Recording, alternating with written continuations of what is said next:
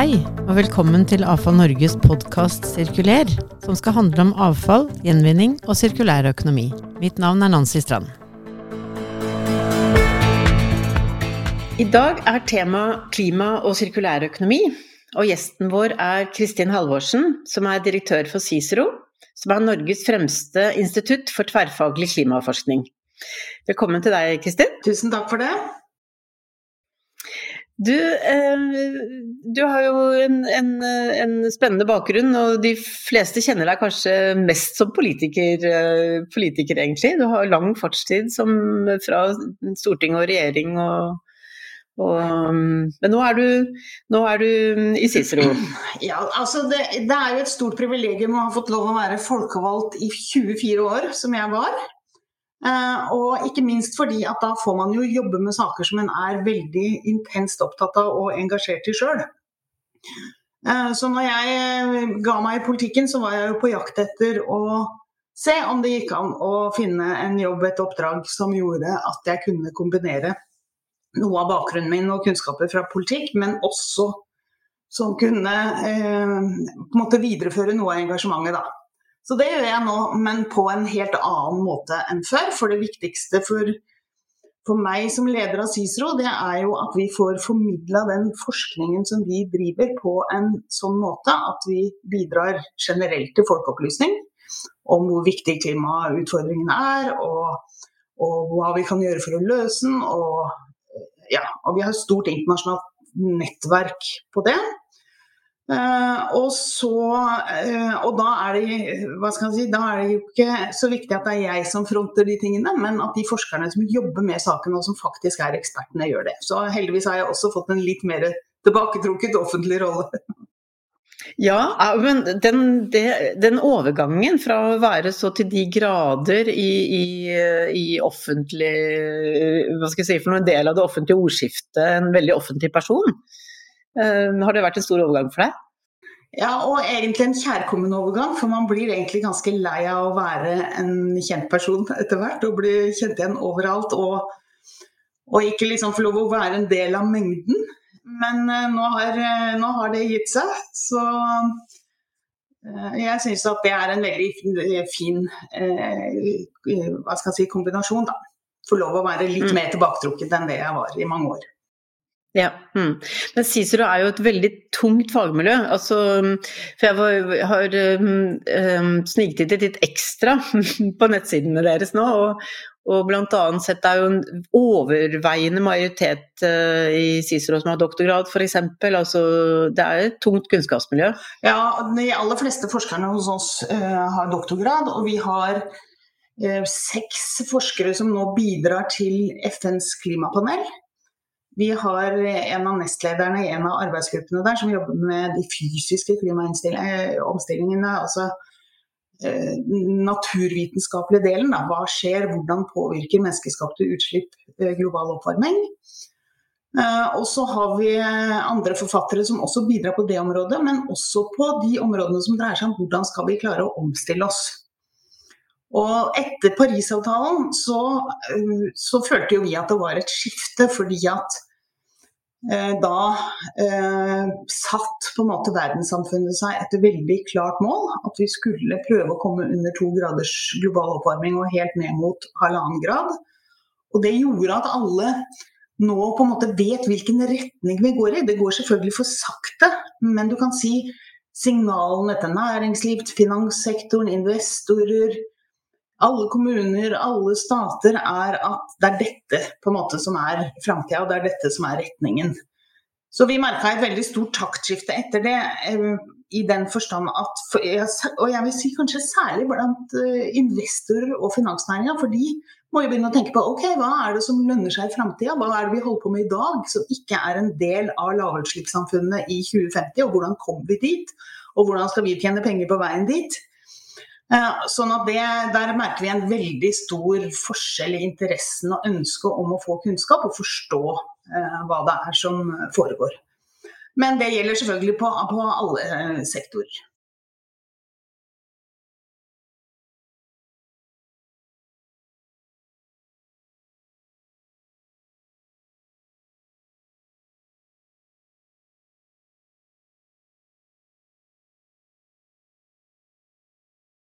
Ja, altså vi, er, vi ble opprettet uh, som en direkte oppfølging av Gro Harlem Brundtlands uh, rapport 'Our Common Future'. Uh, og som satte liksom bærekraft skikkelig på dagsordenen. Og, og, i mandatet vårt så står det at vi skal bidra med forskning og kunnskap for å løse klimaproblemene. Og vi skal også drive formidling knytta til det. Men Statsstøtten vår da, er ca. 13% av vårt samla budsjett. Og alt annet er inntekter fra forskningsprosjekter som vi vinner i hard konkurranse med andre miljøer, både nasjonalt og, og internasjonalt. Og det kan være fra Forskningsrådet eller fra eh, EU. Og i forhold til andre institutter altså Vi er jo en selvstendig stiftelse eh, og helt uavhengig og ikke noe offentlig eh, organ på noe som helst slags vis.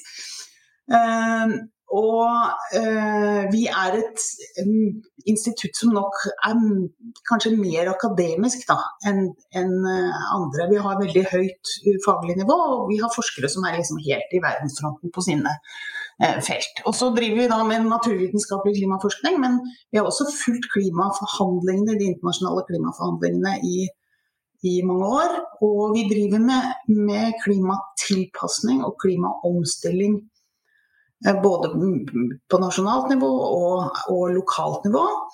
Og vi jobber jo også med hva slags virkemidler som er mest eh, effektive. Og noe av det som vi ser kommer til å være en stor utfordring framover, det er jo å klare å gå fort nok fram. Da man jo, er man jo avhengig av politisk vilje eh, til å gjøre det. Men også en aksept i befolkningen for de tiltakene eh, som må til. Mm, eh, ja. Så det er et, et veldig eh, hva skal jeg si, viktig og spennende eh, felt. Hvordan kan vi gjøre dette på en rettferdig måte, en måte som får folk med seg? Hvordan kan politikerne være modige nok til å gå foran, men passe foran, sånn at en har folk med ja. seg, ikke sant? Mm, ja, ikke sant. Så litt av dette som jeg oppfattet har vært veldig sentralt uh, i EU-sammenheng når de lanserte Green Deal og og Fit for 55. Og det er jo dette med just transition, at du, at du har det sosiale elementet også i bærekraftsbegrepet med her, da, veldig ja. tungt. Ja, det er, vi kan jo bare tenke på vårt eget uh, land, holdt jeg på å si. Ta, ta vindmøller på land, f.eks. Um, der uh, vokste det fram en motstand som nok kom ganske overraskende på en del av de uh, som hadde fått konsesjon.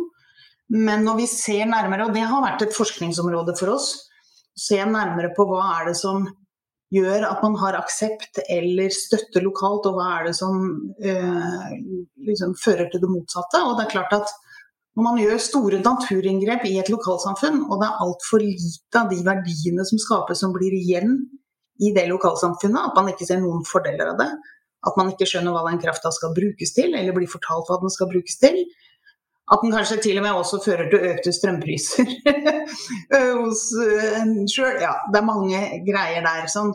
Også at f.eks. at det ble gitt konsesjoner til anlegg som var mindre enn det som faktisk ble realisert, og på et mye tidligere tidspunkt. Ja, det blir en slags oppskrift på å lage eh, motstand. Og vi kan se det på andre områder også. Så det mm. er en, det er en stor eh, og viktig utfordring. Mm, ja. Så, men jeg har jo også sett eh, Det er klart at eh, vi som jobber innenfor avfall og gjenvinning, det er jo nå veldig bredt engasjement innenfor sirkulærøkonomi. Så jeg ser jo med stor interesse på at dere også har eh, flere og flere prosjekter som ikke bare handler om energi, men ressurser. Hvordan kan vi bruke ressursene på nye måter? Hvordan kan forbruket vårt endres? Hva har det å si for klimaet? Um, har det vært en med sånn langsom overgang, eller har det um, kanskje vært sentralt på at du ikke har sett det så tydelig som nå, eller? Ja, du kan si så avhengig som vi er av for finansiering, så handler det jo veldig mye om at eh, det gis signaler til Forskningsrådet, og det lyses ut på de eh, områdene. Og det, er, og det, er, klart at der har det blitt mange flere finansieringsmuligheter for spennende prosjekter eh, for oss også.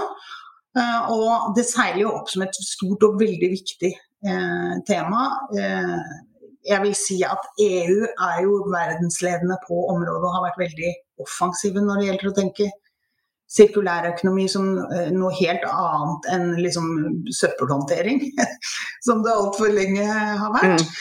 Og ja, i Norge absolutt. ligger vi dessverre litt bakpå.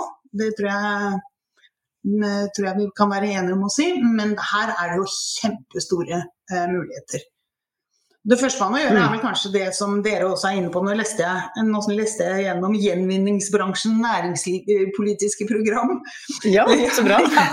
Og der ser jeg at det er jo akkurat den offensive tonen uh, man må ha. Man må på en måte tenke Vi må tenke helt annerledes rundt hva vi produserer, helt fra vi starter å produsere det. For vi må tenke at det skal kunne repareres, det skal kunne Eh, det skal kunne resirkuleres, og at hele tankegangen er på en måte å unngå avfall. Men å se på alt eh, som, vi, eh, alt som ressurser. Mm, og det handler jo ikke bare om klima, det handler jo om hele bærekraftsutfordringen. For vi bruker jo to kloder. Ja, altså jeg syns jo det er veldig spennende. Dere er jo på en måte, som, som du var inne på, dere er sentrale i de store eh, klimaforhandlingene, FNs eh, klimapanel. Eh, men så er dere nå også helt nede på, på måte, lokalt forbruk. Vi fikk jo akkurat presentert på et, på et um, webinar i Avfallsforsk, så fikk vi jo presentert det um, prosjektet deres Upscale. Ja. Hvor man ser på bibliotekenes rolle i en sånn mulig delingsøkonomi, og hva kan da kommunene gjøre, og som hadde kjempeinteresse. Fordi dette med ombruk og nettopp det og altså Hvordan kan avfallsbransjen bidra til å endre forbruksmønstre og se nytt da, på mm. det mm, ting går fra en bruker til en annen osv. Så, videre. så denne, denne, dette spennet da, fra det store makrospørsmålene og liksom helt ned på lokale forbruk, det er jo litt av et spenn dere har? Ja, det er kjempespennende. fordi at eh, Eh, for det første, så, Når vi har god internasjonal oversikt, så, så jo, har vi også god oversikt over hva som skjer i andre land. og Det er lett å på en måte bli inspirert og se om det er noe av det vi kan flytte eller tenke at vi kan plante i norsk uh, jord. Og så hvis, når vi kommer med, med viktig og essensiell forskning, så sprer jo det seg eh, andre steder. Og akkurat når det gjelder det med delingsøkonomien og upscale, så vi har jo delt på ganske mange ting i Norge. Ta turisthyttene f.eks. Det er jo ja. et system mm. for, å, for, at mange skal ha tilgang til, til, hytter. Og vi trenger ikke bygge hver vår, og vi kan eh, reise til nye områder. Og det ligger en slags avtale i bånn om at du skal betale for deg i ubetjente hytter, og du skal forlate stedet like pent som det var da du kom. Og, ja, og det er også utrolig viktig når vi skal legge om forbruksmønster og tenke annerledes. Nemlig at vi forstår hva er det som gjør at disse avtalene eh, funker, og at, eh, at folk eh, måtte er med på hovedideen og hovedtanken. Mm. Så er det jo mm. utrolig mange ting som vi liksom har tenkt at vi må eie. Men som jo er helt eh, Hvis vi liksom setter oss ned og tenker oss litt om, så Jeg pleier å spørre når jeg er rundt i sånne forsamlinger, eh, hvilken mann i den forsamlingen eier flest driller? ja, ikke sant. Så kommer det alltid en som har sånn sju-åtte Litt uslukket mann som har sånn sju-åtte driller. Men han mener han trenger alle osv. Og, så og jeg har jo tre, og jeg bor i en leilighet midt i byen. Så hva, hva jeg, de brukes jo bare hvert jubelår. Så det er helt klart at vi kan lage et system for å låne. Eh, til og med kanskje med instruksjon. Eh, levere tilbake, holde i orden. Ja, det er en teknisk mm. duppedings i private hjem brukes i gjennomsnitt 13 minutter av sin levetid. Ja. Ikke sant? Og deretter ender i boden og bare volder oss problemer. Mm. Eh, mm. Så vi må tenke helt annerledes rundt, eh, rundt det forbruket vårt. Mm, mm. Men det, altså jeg, har, det, jeg, jeg lurt på en ting, og det er jo dette med energisystemene. Og, og um, dere jobber jo også liksom med å se på liksom, hvordan kan man tenke seg litt mer sånn lokale energisystemer.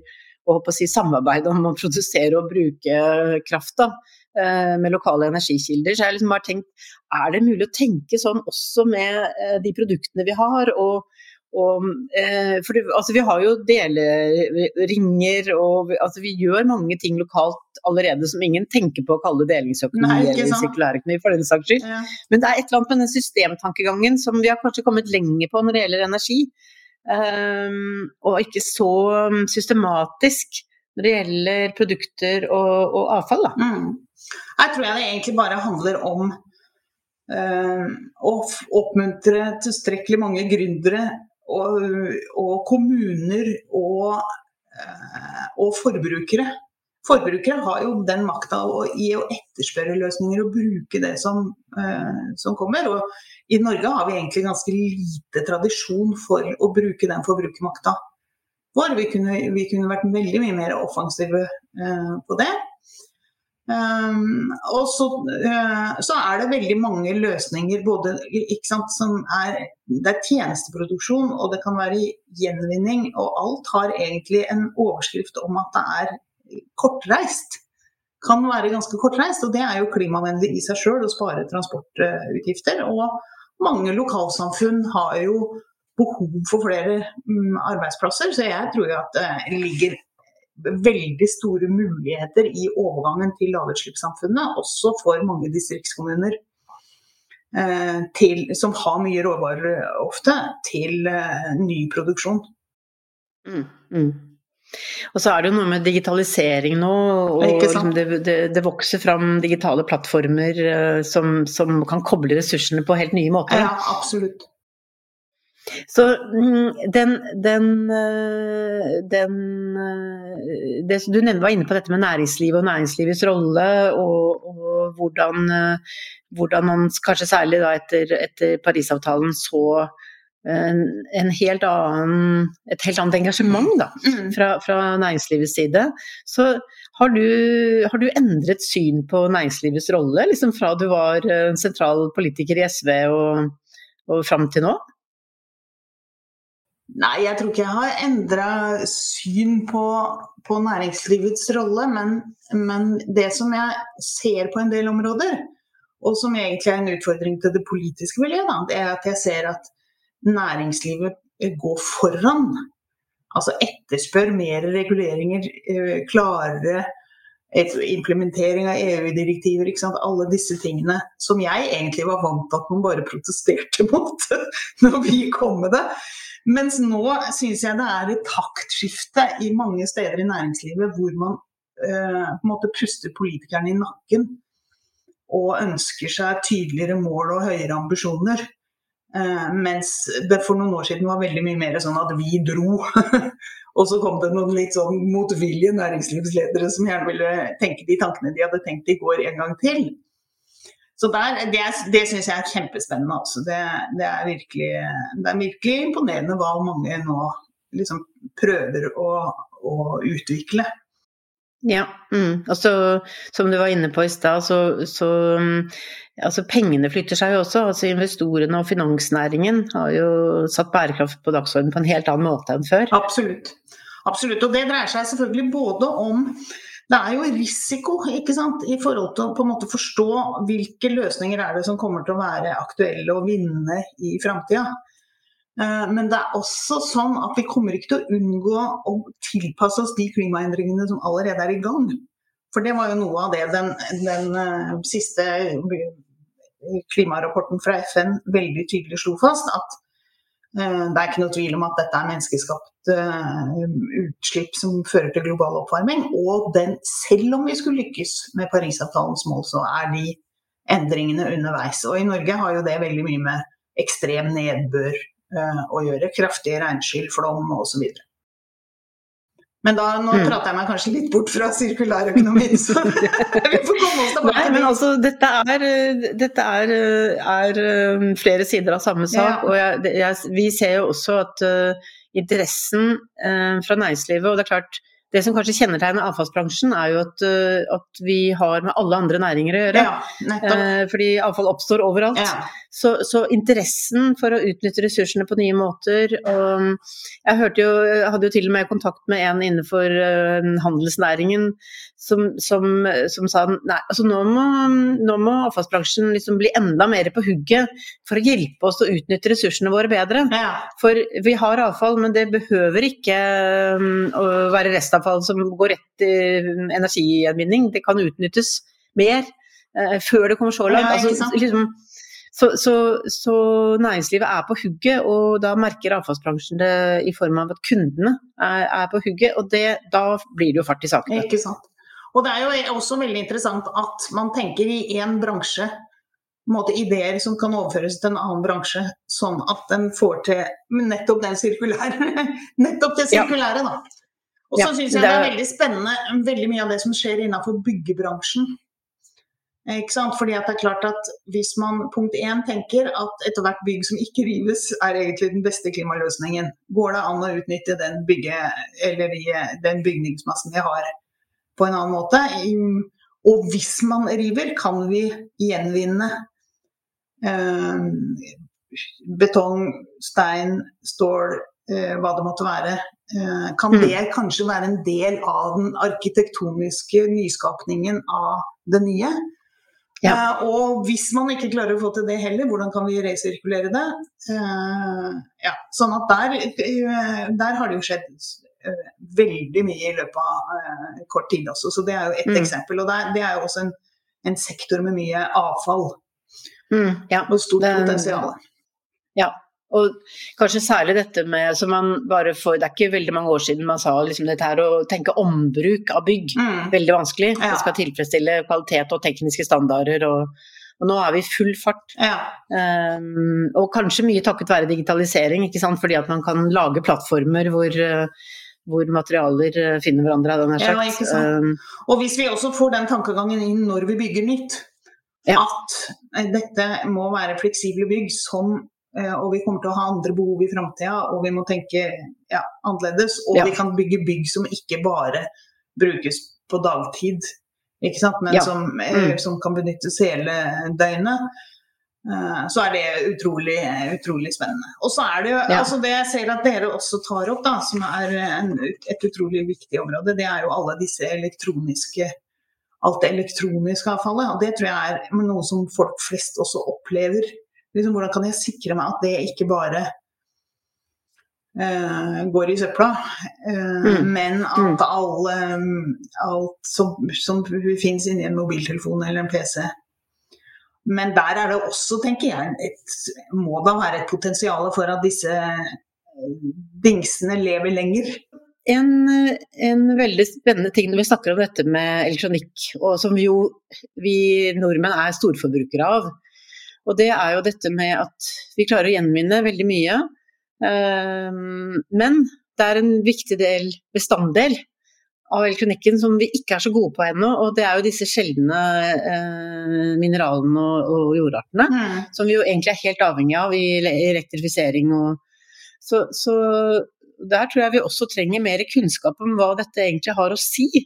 Um, altså koblingen da mellom at dette er ting vi tar ut fra jordskorpa, ja. mm. og med også ganske ressurskrevende uh, utvinning, til um, Så liksom kan man, kan man liksom tenke seg at, uh, at, man klarer å etablere mer direkte forståelse av hva det egentlig koster kutte klima og, og, eh, og hele ressursforbruket knytta til det å utvinne eh, mineraler fra, fra, jorda, kontra det å klare å gjenvinne det. Altså at vi fikk et, et incitament som er større enn det vi har i dag, til å klare å og hente det ut? Mm. Jeg tror vel at vi vanlige forbrukere, vi har jo en slags litt vag idé Uh, om hva som måtte være der, men likevel flyter det jo mye gamle mobiltelefoner og, og, den slags rundt omkring. Så kanskje en panteordning eller et eller annet som gjorde at du faktisk ble oppmuntra til å levere det på et bestemt sted, og at du visste at da ble det tatt vare på. Og så må det jo noe lønnsomhet inn i det, da, hvis vi skal klare å få kommersialisert og utvinne eh, alt som eh, måtte ligge der. Så ja. Så her, her, er det jo kanskje også Og, og selvfølgelig noe av det som ja, både EU og norsk regjering og dere også er inne på. Alt vi gjør i forhold til offentlig innkjøp, det er jo en veldig stor og viktig forbrukermakt. Og de, eh, når de kan gå foran og spesifisere tydelig hva det er eh, de ønsker å kjøpe, så gir jo de veldig nyttige signaler ut i et marked. Og da kan vi andre forbrukere hive oss på. Så det skaper jo markeder og skaper jo lønnsomme bedrifter, hvordan man eh, utformer det. Og det er i hvert fall 500 eh, milliarder kroner i, eh, i etterspørsel bare der. Mm. Så det er bra at det har blitt en, en ja, At man har høye ambisjoner for hvordan man skal bruke den mm. muligheten, da. Ja, ikke sant. Så um, Sitter du og klør litt i fingrene nå etter å, å, være med og prege politikken? Eh, vi har fått ny regjering og Altså, jeg prøver å ikke henge i horn. og komme med, med, med, kommentarer. Men jeg har jo godt uh, god kontakt med det politiske miljøet. Jeg er veldig fornøyd med at jeg sjøl ikke måte er den eh, som skal utforme Eh, eller gjennomføre politikken akkurat nå, men, men, jeg ser jo at vi som et viktig forskningsmiljø har mye kunnskap å bidra med inn. Og nå som omstillinga går så fort, så er det jo viktig at det er korte veier her, og at vi er at vi forstår de politiske prosessene, skjønner hva næringslivet og forskjellige sektorer i næringslivet har behov for, men også klarer å formidle det vi kan bringe til torgs kjapt. Så nå har vi jo ganske mange sånne samarbeidsprosjekter med næringslivet.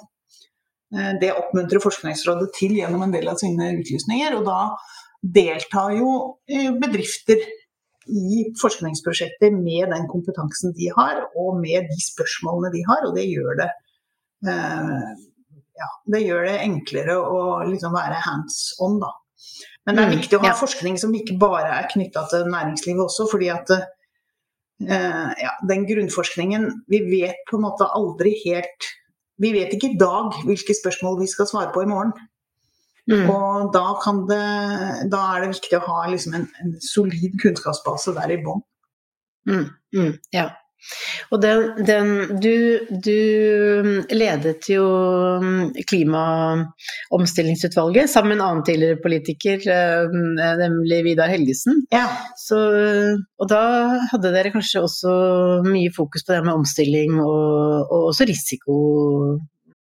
Ja, det som, var, det som var egentlig et, et hovedoppdrag der, det var jo å se hva kan erstatte olje- og gassvirksomheten som må få mindre betydning hvis vi skal lykkes i klimaomstillingen. Og vi har jo et fantastisk eventyr egentlig i Norge, som ingen andre land som har funnet den typen ressurser eh, har klart, nemlig både å, sikre oss eierskap, altså at fellesskapet har eierskap til det, sikre kompetanseutvikling knytta til det, bygge opp et stort oljefond.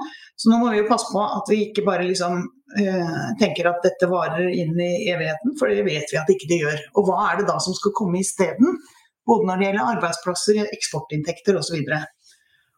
Og da uh, var jo vi veldig tydelige på at vi kommer ikke til å finne én næring som kan være uh, like profitabel som det olje- og gassnæringa har vært. Vi må tenke mye større bredde, og vi må tenke på flere uh, områder. Og sirkulærøkonomi var jo en av de områdene som vi også uh, framheva som et, et, viktig område for oss.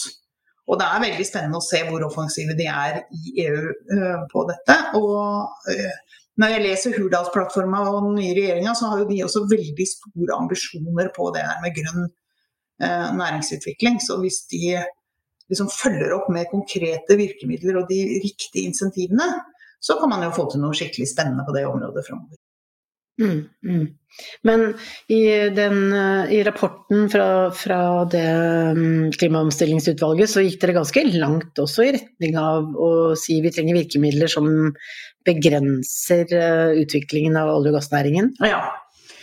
Ehm, det er, eh, det er jo flere grunner til. Altså kan, eh, det er ikke sånn at det fins liksom én egen plass til norsk olje og gass Og så skal alle de andre bygge ned sitt. Vi kommer til å være en del av de som eh, må, eh, må fase ut. Og da er det jo utrolig viktig også å sikre seg at man ikke setter i gang med utbygginger av felt som ikke har en plass dersom vi lykkes med lavutslippssamfunnet. Vi kan jo ikke ha en olje- og gasspolitikk eh, på en måte som gambler med at vi ikke lykkes med klimapolitikken. Og det var eh, vårt hovedbudskap. Og så hadde vi noen forslag til hvordan man skulle gjøre det. Både få til et nøytralt eh, skattesystem og Eh, at man ikke burde gjøre noen tildelinger som ikke er liksom, overensstemmelse med Parisavtalens mål, altså lønnsomme hvis vi lykkes med Parisavtalen. Ikke tillate noe utenom den infrastrukturen som allerede eh, er på plass. Så foreslo vi også en produksjonsavgift knytta til all eh, olje og gass som utvinnes i Nordsjøen, og som kunne bidra til omstilling eh, retta mot offshore og den eh, næringen. Da. Og det ser vi jo nå at, at har fått gehør eh, i det politiske miljøet. Så, eh, ja, så det er jo bra, hvis vi kan bidra med det. Mm, ja, ikke sant. Men hvordan, hvordan syns du det har vært å følge liksom, klimaforhandlingene i Skottland, og, og hvordan, liksom, hvordan, ser du, hvordan ser du på framtida, egentlig? Nei, altså Når man jobber med klimaforskning og klimapolitikk, så er det jo lett å, å bli litt, eh, hva skal si, litt mismodig, da, for det går jo for sakte. Men samtidig så er det jo egentlig deilig å ha vært med i mange år, fordi at jeg tror det går mye fortere nå enn det, enn det har gjort eh, tidligere. Og det har kommet på plass en helt annen erkjennelse, og det må jo ligge i bånn. Alle kontroversielle saker som etter hvert har blitt allemannseie i politikken. Altså, til og med barnehager var kontroversielt i sin tid. De som tok opp det første gang, ble skjelt huden full og var dårlige mødre eller pyste fedre. Eller, altså, det er veldig lett å glemme ting, mm. ting, som i dag tar som en selvfølge.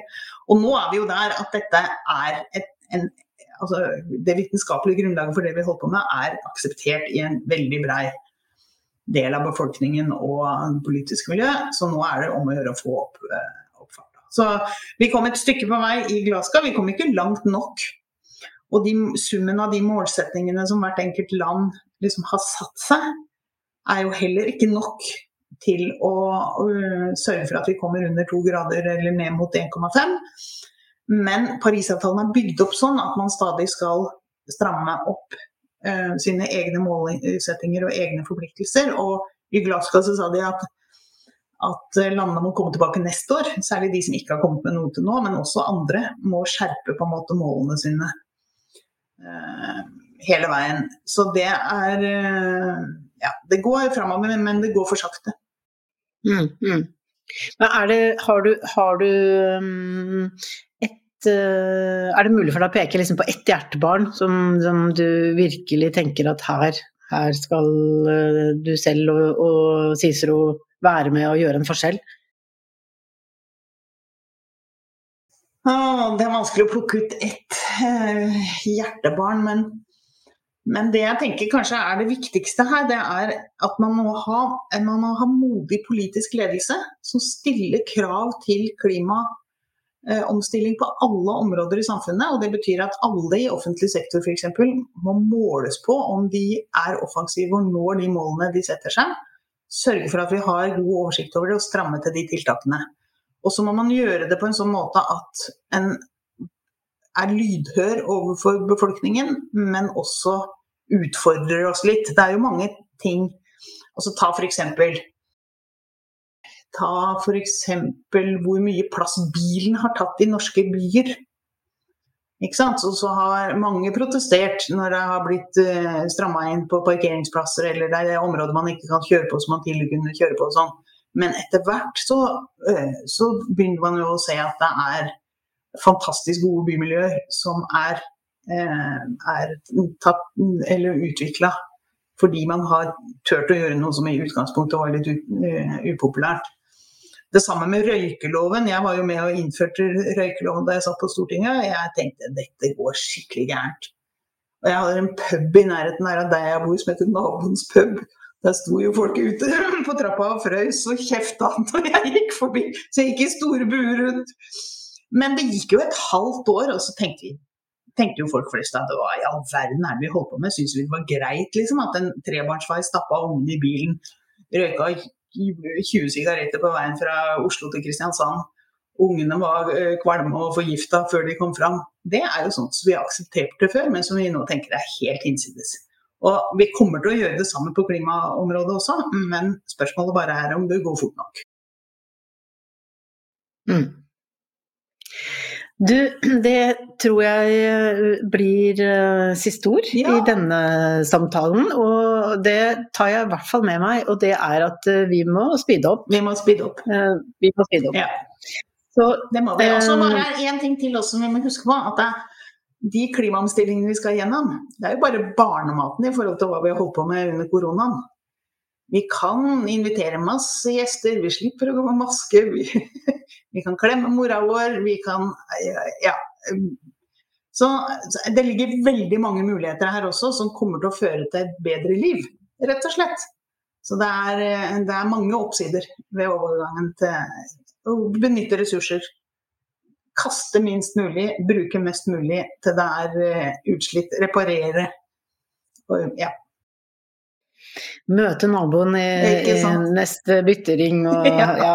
Nei, jeg er helt enig. Vi må se på Vi må tenke hvilke positive muligheter uh, dette gir. Dette er jo gode ting, og dette kan gi det gode liv for mange.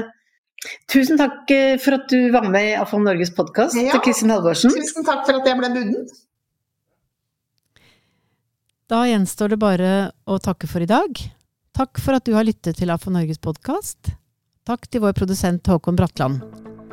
Har du innspill, send det gjerne til sirkuler at afonorge.no. Ha det bra!